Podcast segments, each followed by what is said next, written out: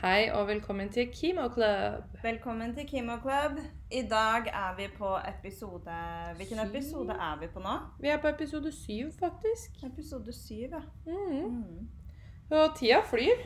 Ja, det var flere enn jeg hadde forventet, egentlig. Ja, det, det er gøy å se at vi liksom nå starter å ha noen episoder i baklomma. Ja. Eh, og har fått litt, eh, fått litt ord ut der, da. Ja, og ikke minst at på søndag så slipper jo den første engelske episoden vår. Det stemmer. Det blir jo da Couch Talk. Ja. Den er jeg spent på. Ja, den, eh, den blir annerledes enn det vi er vant til.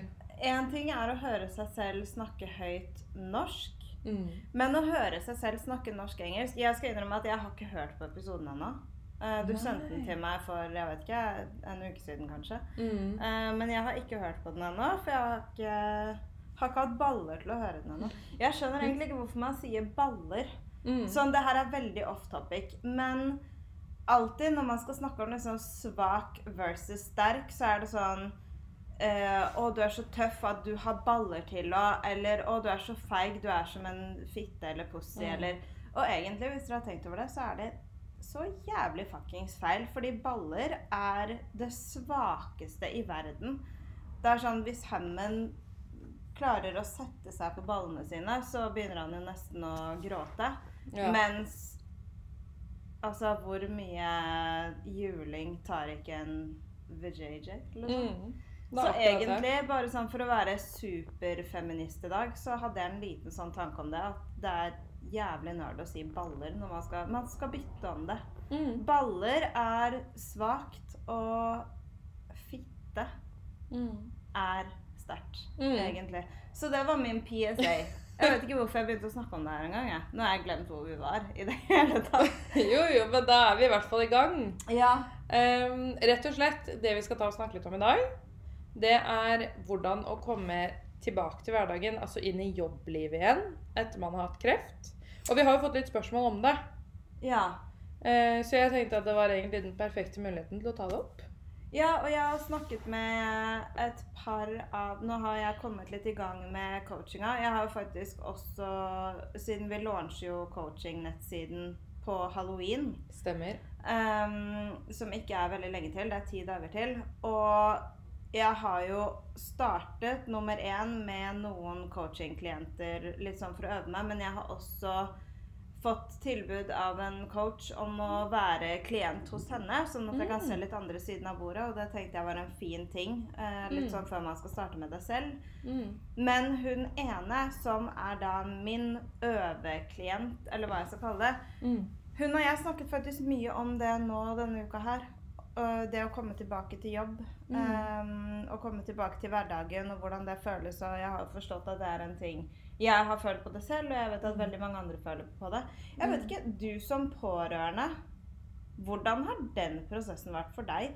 For du har jo på en måte aldri fått Sånn sett fri Altså, jeg fikk jo fri Kunne egentlig fortsatt hatt fri. Mm. Men øh, jeg hadde jo fri i veldig lang tid. Jeg slutta å jobbe i november, og så startet jeg så vidt å jobbe igjen i midten av april. Mm. Øh, og er jo fortsatt 50% sykemeldt. Så vi som har kreft, vi har jo veldig godt avbrekk. Eh, og så har man selvfølgelig noen pårørende som ender opp på pleiepenger, men du har jo ikke vært i den situasjonen i det hele tatt. Du har jo på en måte jobbet og vært på skole hele tiden. Mm. Eh, Så du kan jo kanskje starte litt med å fortelle hvordan den ha, hvordan den reisen har vært for deg. For jeg ser for meg sånn sett så blir jo en pårørende mindre hørt enn en kreftpasient. Greit Mm. nå er det jo ikke dere som går til behandling og, og alle de tingene her, så jeg skjønner forskjellen på det. Mm. Men eh, som jeg har sagt før, så er jo mitt syn på det ofte at det nesten kan være vanskeligere for pårørende enn eh, for, I hvert fall for min del som kreftpasient. Mm. Så sånn sett så ser jeg for meg at det må være en veldig hard situasjon å stå i den, den plassen du har fått tildelt, da. Ja, altså det var jo Det var veldig rart å skulle på en måte gå tilbake til en normal hverdag. Hvor Ja, for, for ta, unnskyld at jeg avbryter deg, men Mm. eh, For når dette her skjedde, da hadde jo du to jobber og skole. Ja, stemmer. Og da kan ikke du fortelle litt sånn først og fremst Fortalte du det på skolen? Fortal, du fortalte det på den ene jobben din, vet jeg. Ja, den ene jobben min, der har jeg et veldig nært forhold med lederen min, som jeg er veldig, veldig glad for. Mm. Så jeg fortalte han det egentlig med en gang, for jeg var jo på jobb den dagen du fortalte det. Ja, ja. Så var jo jeg på jobb. Um, så han var veldig forståelsesfull og veldig Altså Det ga meg litt tid da, til å puste. mm. Pluss at jeg fortalte det til den ene læreren min, som sto faktisk i samme situasjon. Ikke Oi. helt lik, men det var en veldig nær venninne av han. Det er det her jeg sier. Vet du hva? Kreft, det er overalt rundt Mm. oss. Og det, det må bare bli mer normalt uh, å snakke om nå. Fordi det er jo det der man ser. Mm. At det er kjempemange som er i, i samme situasjonen. Det må ha føltes litt Altså, man ønsker jo ikke det for noen andre, men allikevel for deg Mm. i den situasjonen, så må det jo ha vært lettere å møte en som er i samme situasjon, enn en som aldri har vært borti kreft, for. Absolutt. Absolutt. For da har du noen du kan relatere til. Mm. Eh, I tillegg, på denne tiden hvor dette skjedde, så jobba jeg også på legekontor. Ja. Eh, og det, Og det var også var en rar ting. Ja, fordi her vil jeg bare flike inn at det var vel eh, det året før Altså samme året som jeg fikk diagnosen min, Mm. så har jeg jo fortalt det før at jeg en dag i mai så hadde du og jeg vært hos mamma. Jeg hadde Mm. henta bunaden min. Og når jeg kom hjem Jeg var jo veldig, veldig syk på det tidspunktet her. Mm. Hadde jo fått beskjed om long covid, alle disse tingene her. Og når jeg kom hjem, så skjønte jeg bare Mm. det, Jeg har kreft. Mm. Jeg visste det like klart som jeg visste at jeg het fuckings Pernille, så visste jeg jeg har kreft. Mm. Og første legen jeg gikk til da, for da gikk jeg til fire eller fem leger eh, Mm. for å prøve å liksom Hva skjer, kan dere hjelpe meg? Og første legen jeg gikk til da, var vel legekontoret du jobbet på. Mm. Så det hadde jeg egentlig glemt, ja, at du jobbet på legekontor, men det gjorde du jo. Ja. Selvfølgelig. Så jeg husker det var noen ganger etter vakt hvor jeg kom rett til radiumen for å Mm. møte deg. Ja, og de visste jo da For da hadde jeg jo vært hos Mm. sjefen din. Mm. Så når du kom og fortalte det, så visste jo hun allerede litt forhistorien. Ja, hun hadde jo Hun satt jo på litt altså, info om det. Mm. Um, men jeg fikk jo ikke vite noe før jeg, før jeg gikk til deg, bare for å spesifisere det. Det var Mm. Pernille som fortalte meg det. Det var ingen, ingen rundt som ga meg den beskjeden. Eh, og det var også rart å skulle liksom sitte på legekontor, være profesjonell og Og så videre. samtidig være pasient, nesten. Ja, så er det sånn Å ja. Ja, men jeg skulle jo på radioen etterpå. Altså, det blir litt sånn kokkelig ko. Men kan jeg spørre, hvordan eh, respons fikk du egentlig når du fortalte disse tingene her? Den første responsen er jo Oi. Den derre eh, Hva Den kaller der- man det? Ja, vet du hva? Den Det blikket Ja. folk får, så ser man at de er sånn Fy faen. Mm, Nå aner jeg ikke hva jeg skal si. mm, Det her hadde jeg syntes var helt jævlig hvis det var meg. mm, Og takk Gud at det er deg og ikke meg. mm, Helt ærlig. Mm. Det er det blikket de som kanskje ikke er så gode på kommunikasjon og, og menneskelighet og Jeg tror også at det går litt hånd i hånd med hvor åpen man er. mm, Og de som ikke har disse tingene kjempenaturlig, så bare leser man alle de tingene i ansiktet deres det første var da 0,5 sekundene etter man har sagt det. Det er akkurat det, og det er ikke bare blikket, men altså hele stemmen endrer seg. For det er sånn Å ja. Ja, og skuldrene Ja. krummer seg litt, og du får den derre Å, sånn, stakkars deg. Ja. Veldig sånn Men ikke noe fake medlidenhet. Bare en sånn genuin uh, Og det er jo ofte det mm, som gjør at vi kan ha medlidenhet og, og relatere oss til andre, er jo den hvordan ville vi reagert på en situasjon selv? Mm, Eh, og den derre litt reality-checken med shit, livet er kort, du aner ikke hva som kan skje. Denne Mm. gangen var det ikke meg. mm. Som oftest så får man jo også den neste gang. Kan dette være meg? Så jeg må være flinkere til å sette pris på ting. Ja, det er akkurat det. Du får jo livet i et helt annet perspektiv. Mm. Um, men, Men- jeg bare husker den derre Å, herregud. Ja. Å, herregud. Og så vet man jo ikke hva man skal respondere tilbake, for det er litt sånn Ja Altså, man blir liksom tom for ord. For det er liksom Det er hva det er. Og det man egentlig eh, Nå kan jeg bare snakke ut fra mitt eget perspektiv. Men alle skjønner OK, du har fått kreft, eller en du bryr deg om har fått kreft. Alle Mm. skjønner at det suger, liksom. Mm. Og nå fikk jeg en sånn annen tankegreie her. Mm. Med at jeg også syns det er veldig teit at man sier at ting suger. For når ble det egentlig en nedverdigende greie? Hvor sånn Mm. sjåvinistisk og dritt mot kvinner er det ikke at man bruker det som en nedverdigende ting? Mm. Eller mot homofile. Det er også kjemperart. Altså, ja, bare sånn, igjen for å hoppe totalt off topic, men det er også en ting jeg bare kjenner at nå, etter å ha sagt det og hørt det komme ut av min Mm. egen munn, så er det en ting jeg faktisk ikke skal si lenger. Mm. Eh, men alle skjønner at det er kjipt. Mm. Så det er et så unødvendig og uproduktivt uh, En uproduktiv reaksjon å komme med. Mm. Jeg tror det at for min del, det jeg mer hadde likt, hadde vært at personen hadde bare OK, det her er kjipt. Hva trenger du? Hva Mm. kan vi ordne? At man går Jeg er jo veldig løsningsorientert. Mm. Så jeg skulle kanskje ønske at man Jeg vet ikke, nesten hva som helst annet reaksjon enn Åh Ja, jeg er helt enig.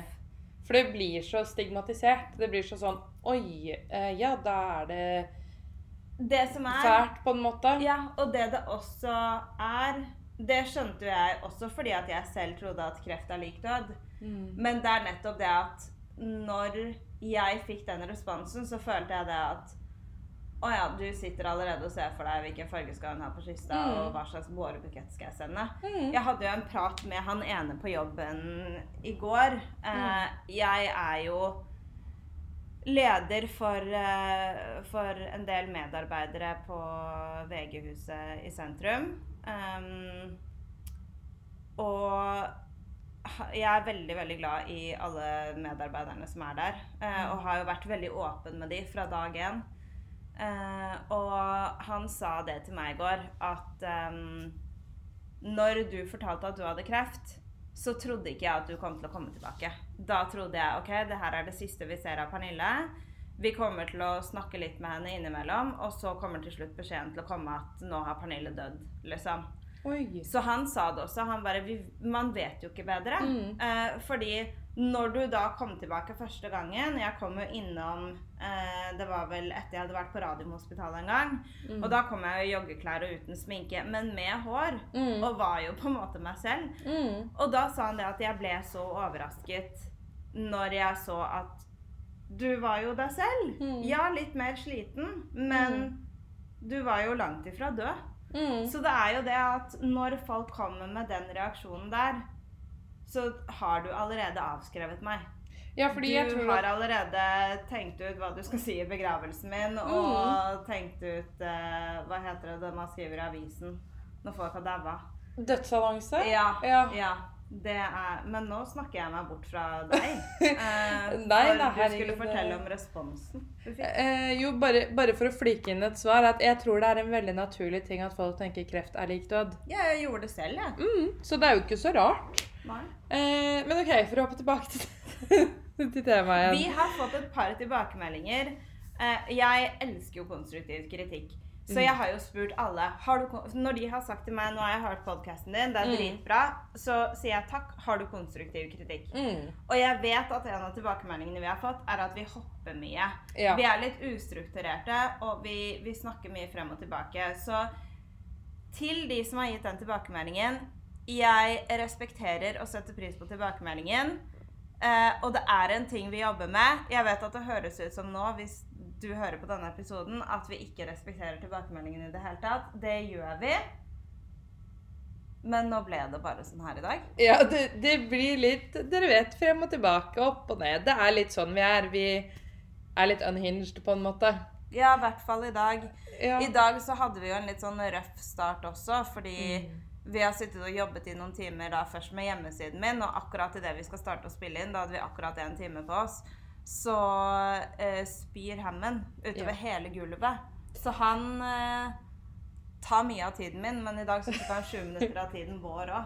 Så Ja, så igjen, eh, vi har også fått tilbakemeldinger på at episodene er litt korte. Det har jeg også fått tilbakemeldinger på. mm, Så ja, denne blir nok litt kortere enn 35 minutter, som vi pleier å prøve å holde oss rundt i hvert fall. Mm. Så bear with us. Men det som er en bonus, på søndag kommer det både en engelsk episode og en norsk. Så da har dere masse å kose dere med. Ja, da kan dere høre på oss snakke Jeg holdt på å si swinglish, men vi snakker jo ikke svensk. Nor, nor eller hva man Ja. kaller det. Når jeg var liten, så var favorittjulekalenderen min var det julekalender. Ja. Med de Gynter og Jeg var kjempeforelsket i han som het Gynter. Ja, takk. liten. Jeg husker det. Gynter, Brumund fra Brødrene Dal og Egon Olsen var liksom the shit. Når alle andre satt hun ene venninnen min Mm. Ikke at jeg syns det er noe bedre, bare så du vet det når du hører det her. Hun var fuckings forelsket i John Travolta. Hva? Mm. Ja, ja, og hun, hun, hun. Når hun skjønte at, at de ikke kom til å bli sammen Sorry at jeg putter deg on blast, men jeg nevner ikke navnet ditt. Så begynte hun å gråte. Sånn skikkelig. Oi. Så jeg skjønner at de tre jeg var forelsket i det var sånn, Da var jo andre forelsket i Justin Timberlake eller John Travolta. og sånt. Jeg vil jo si at de er bedre enn John Travolta. No offense. Jeg syns i hvert fall vi er likestilt, så neste gang vi har den uh, diskusjonen hjemme, du vet hvem du er, så husk at vi er likestilt. Ja. Det Ja, wow. Takk. Det var uh... Enda en Avsporing. avsporing. Ja. OK, tilbake til hovedtemaet. Nå skal vi slutte å avspore. Vi skal prøve. Ja. Um, hvor var jeg? Uh, herregud, nå mista jeg det. Responsen Responsen, ja. Uh, veldig mange responderte med den 'Å, herregud', og uh, 'Hvordan går det? Vet du hvordan det kommer til å gå med henne?' Og så er det sånn Jeg fikk vite dette typ for fem minutter siden. Jeg vet nada niks. mm. Jeg vet ingenting. Jeg vet like mye som deg. Og så er det litt sånn Det er jo veldig mange er redde for å spørre, men jeg syns folk skal spørre. Jeg syns at lurer du på noe, send meg en melding. Ja, for man merker jo Og det er jo hovedgrunnen til at jeg ville starte denne podkasten, og Mm. egentlig Sisters and Squad Mm, 2.0, mm, er jo fordi når du lurer på ting som du ikke tør å spørre om, så blir du isteden klein, Ja. og så trekker du deg unna. Og det er i hvert fall ikke noe til hjelp for, Mm-mm. for den som har kreft, eller den som er pårørende. mm. Så det er jo derfor jeg hadde lyst til å starte det her, for jeg merket jo det selv. Og da kan folk heller stille spørsmålene til oss, forhåpentligvis høre det gjennom podkasten, og ikke være så klein. Eller Mm. kanskje til og med lære seg at ok, vet du hva, det her er kanskje weird, men jeg Mm. kan bare spørre rett ut. Mm. Eh, så jeg skjønner 100% hva du mener. Ja, og det er litt sånn Altså, det var jo noen som turte å sende melding på Facebook og være sånn 'Hvordan går det? Mm. Hørte det og det? Hvordan går det med hun? Mm. Og da ble jeg sånn Jeg skjønner at du spør meg, for jeg tror veldig mange er redde for å spørre pasienten, hvis du skjønner. Ja, i hvert fall hvis man ikke er så close, tror jeg. Ja, og så blir det litt sånn Nei, virker som det går greit i dag. Skal på radio Altså, Mm. det, det er så vanskelig å svare på det, for jeg kan svare på det fra mitt perspektiv. Men igjen som pårørende. Så det, men det var mye støtte å hente, det var det. Det var veldig mange å snakke med. Men kan jeg spørre deg For jeg vet at du og jeg har snakket om det her tidligere, og jeg mm. husker jeg sa til deg eh, Det er vel seks eller syv år siden pappa døde? Ja, Ja. noe sånt. Og jeg eh, Noe som var Det tenker jeg faktisk at vi skal snakke om, hvis du vil det, i en Mm. episode. Hvordan den situasjonen var. Fordi Mm. det som skjedde der, rett og slett, var jo at mamma våkna ved siden av han i senga, og du Mm. prøvde å gjenopplive han. Mm. Eh, og da hadde jo han vært død i seks eller syv timer. Ja. Eh, men, så dette her var jo selvfølgelig en kjempetraumatisk opplevelse for dere. Eh, Mm. Men da husker jeg også at det var vel en tre måneders tid etterpå. Mm. Så husker jeg jeg satte meg ned med deg og mamma og sa det at jeg vet at dette her er fortsatt veldig ferskt for oss. Mm. Men dessverre så er verden sånn at etter en stor tragedie så er du kun spesiell i så og så lang Mm. Det er akkurat det. Og etter en viss tid så glemmer verden hva som har skjedd med deg. Mm. Du er ikke spesiell lenger fordi tragedier skjer hele tiden. Mm. Og verden forventer at du er oppe og nikker igjen på et visst nivå. Mm. Um, så jeg husker jo den utfordringen fra når pappa døde. Mm. Hvordan har du følt at den var nå i forhold til dette med meg. For jeg regner jo med at på et eller annet tidspunkt så forventet jo egentlig folk at du skulle være mye mer oppe og nikke på jobb, og, og på skole, ikke Mm. minst. Hvordan var det for deg nå? Mm, jeg tror at de som jeg har fortalt om det som skjedde med pappa, Mm. de skjønte det jo. Ja. De, for dem så var det veldig åpenbart, men for andre så kunne det virke som man var lat, ikke sant? Fordi man ikke klarte å prestere eh, på det nivået man skulle. Eh, så som vi hadde jo en eksamensoppgave ja. hvor jeg hadde vært i nesten ingen av forelesningene fordi det var jo så mye annet som skjedde.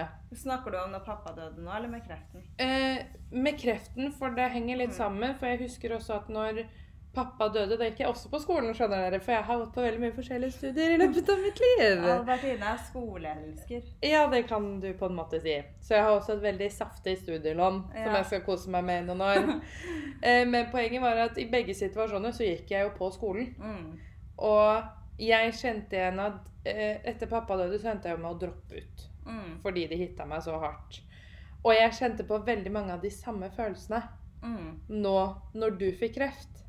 At jeg kjente igjen litt av det mønsteret at jeg gidder ikke å gå i forelesning. Har ikke noe motivasjon. At, man, at jeg så liksom samme patterns om og om igjen. Mm. Som gjorde at jeg ble litt sånn OK, vi har gått gjennom ikke det samme, men noe lignende før. Nå må vi ta oss sammen, liksom.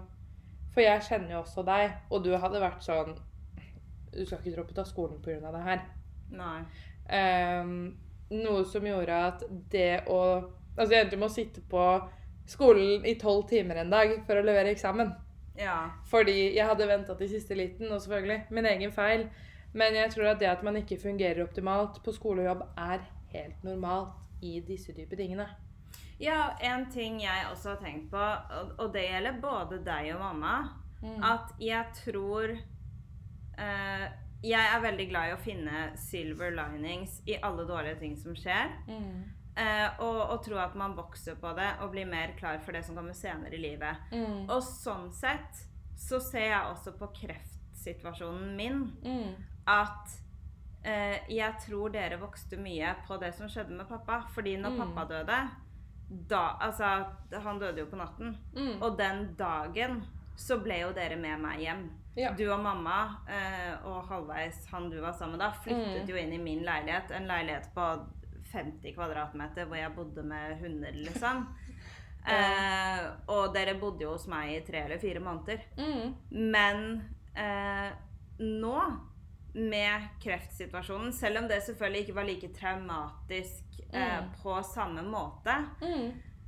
Så så jeg jo det at dere var veldig annerledes på det begge to. Ingen av Mm. dere to hadde, hadde behov for å flytte inn hos meg. Nei. Mamma sa jo flere ganger 'du kan komme og bo hos meg', men ingen av dere to hadde behov for å være nær meg hele tiden. Mm. Så jeg så jo det at eh, dere var veldig annerledes og mye sterkere Mm. eh, nå, da. Enn Mm. hva, hva som var i den situasjonen med pappa. Ja, og så tror jeg at av erfaring så tar du veldig mye ut av det. Mm. Så jeg tror at fra den erfaringen med pappa, så tok man ut hjelpemidler, da, hvis jeg kan si det sånn, som man nå brukte i denne situasjonen. Sånn som at vi hang jo mye sammen, Mm. men samtidig så følte jeg meg trygg nok til å la deg få det spacet du Mm. trengte. At jeg vet at jeg trenger ikke å sitte oppå, Pernille. Ja. At jeg føler meg mye tryggere i denne situasjonen, om det gir mening. Ja. Eh, men det var jo helt rart, hele greia. ja. Jeg vet ikke hva annet man kan si liksom enn det. Nå Eh, tror jeg kanskje at jeg skal dra det litt inn igjen. Ja. Fordi nå har vi dessverre spora veldig av på nytt. Yes. For eh, jeg føler ikke at jeg har fått svar på spørsmålet jeg egentlig stilte deg, som Mm. var Følte du på det denne gangen også? At verden forventet etter et tidspunkt at du skulle opp og nikke igjen? Og var det vanskelig for deg? Vet du hva? Etter denne gangen Nei, faktisk ikke. Du følte ikke på det, eller det var ikke vanskelig? Jeg følte ikke på det.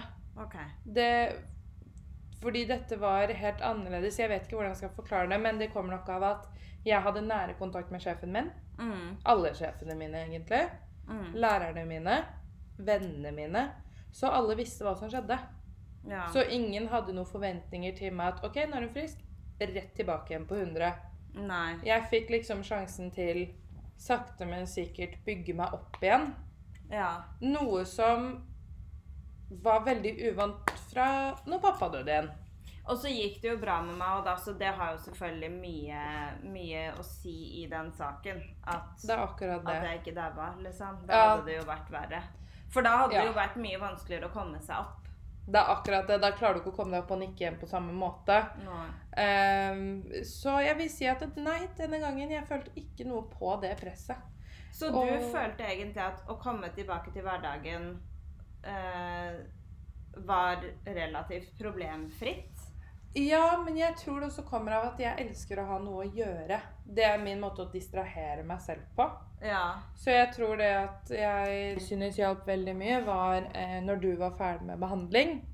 Det var jo da Sisters and Squad ble født, hvis man kan si det sånn. Ja, det tok jo ikke mange måneder i hvert fall.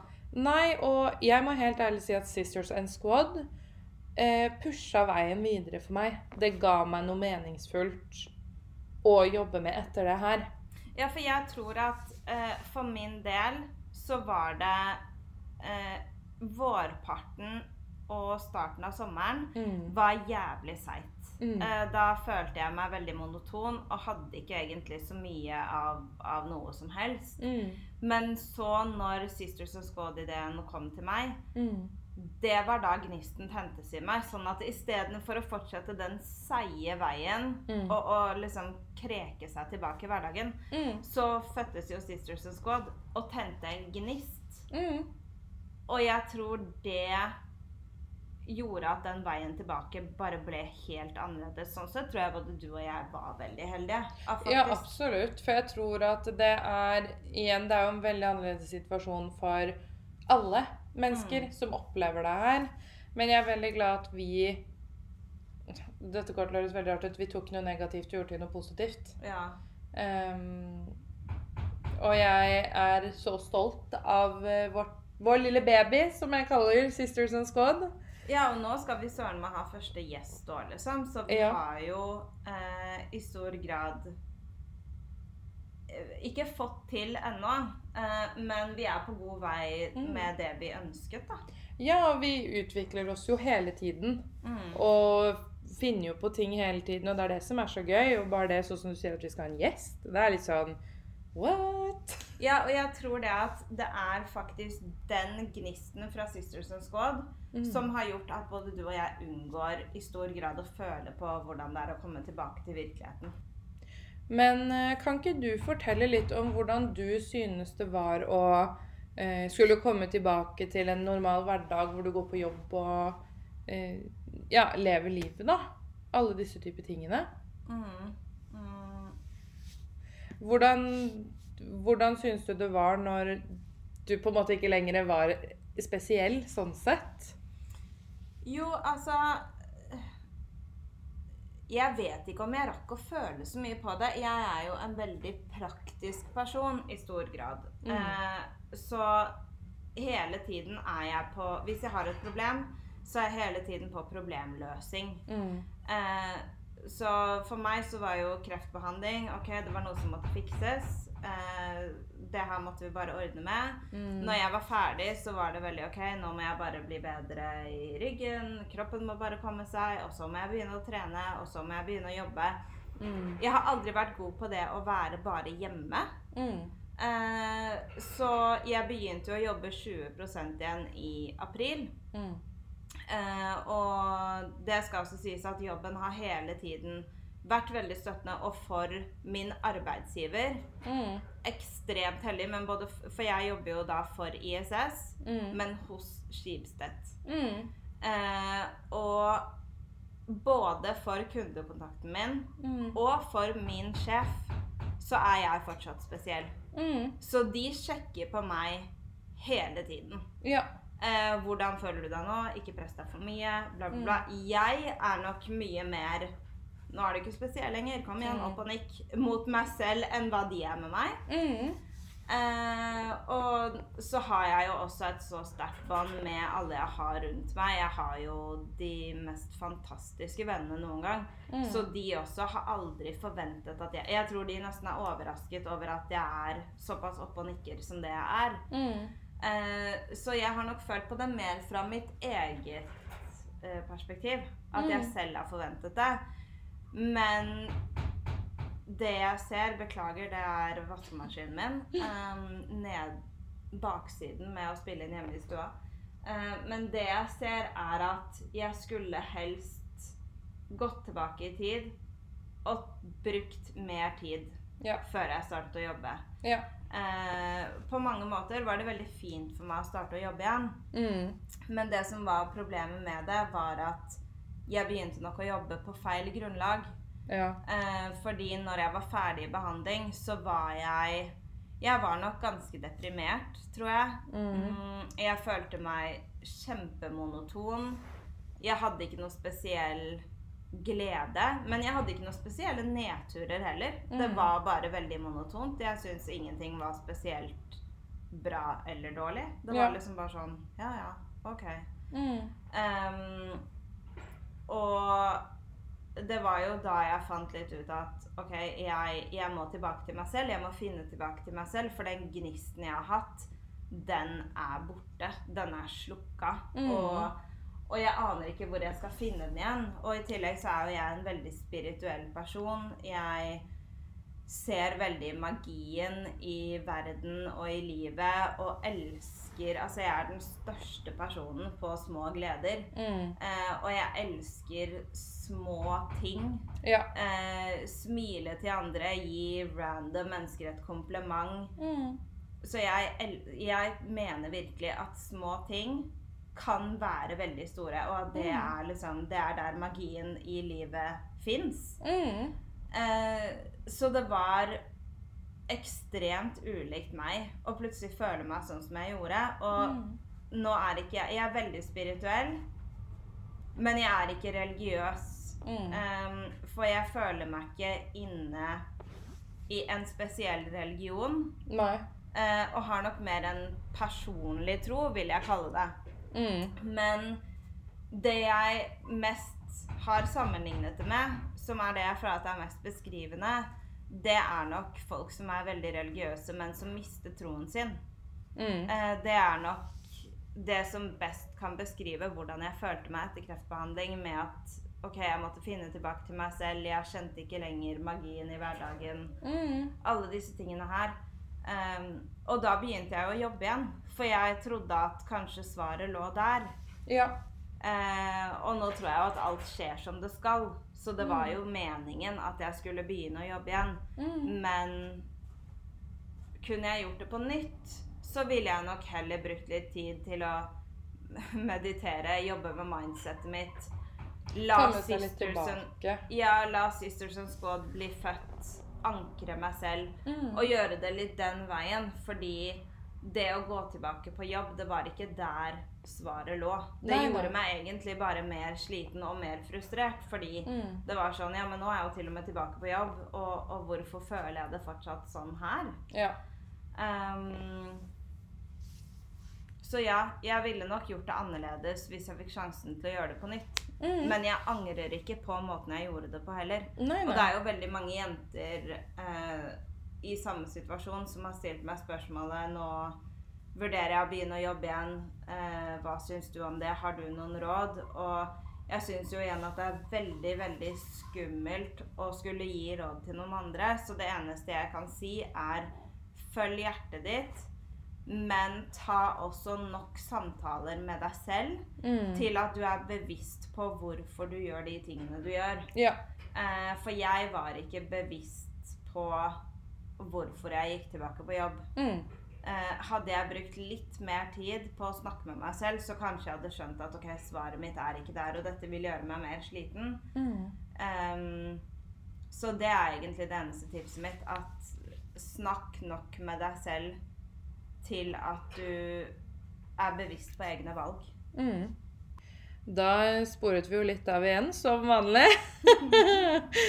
Men ehm, igjen, da, så har det jo kommet en del spørsmål om det her. Eh, og nå i neste episode er vi jo så heldige at vi skal ha en gjest som vi har nevnt. Mm. Så episoden etter det så vil jeg gjerne plukke hjernen din litt mer.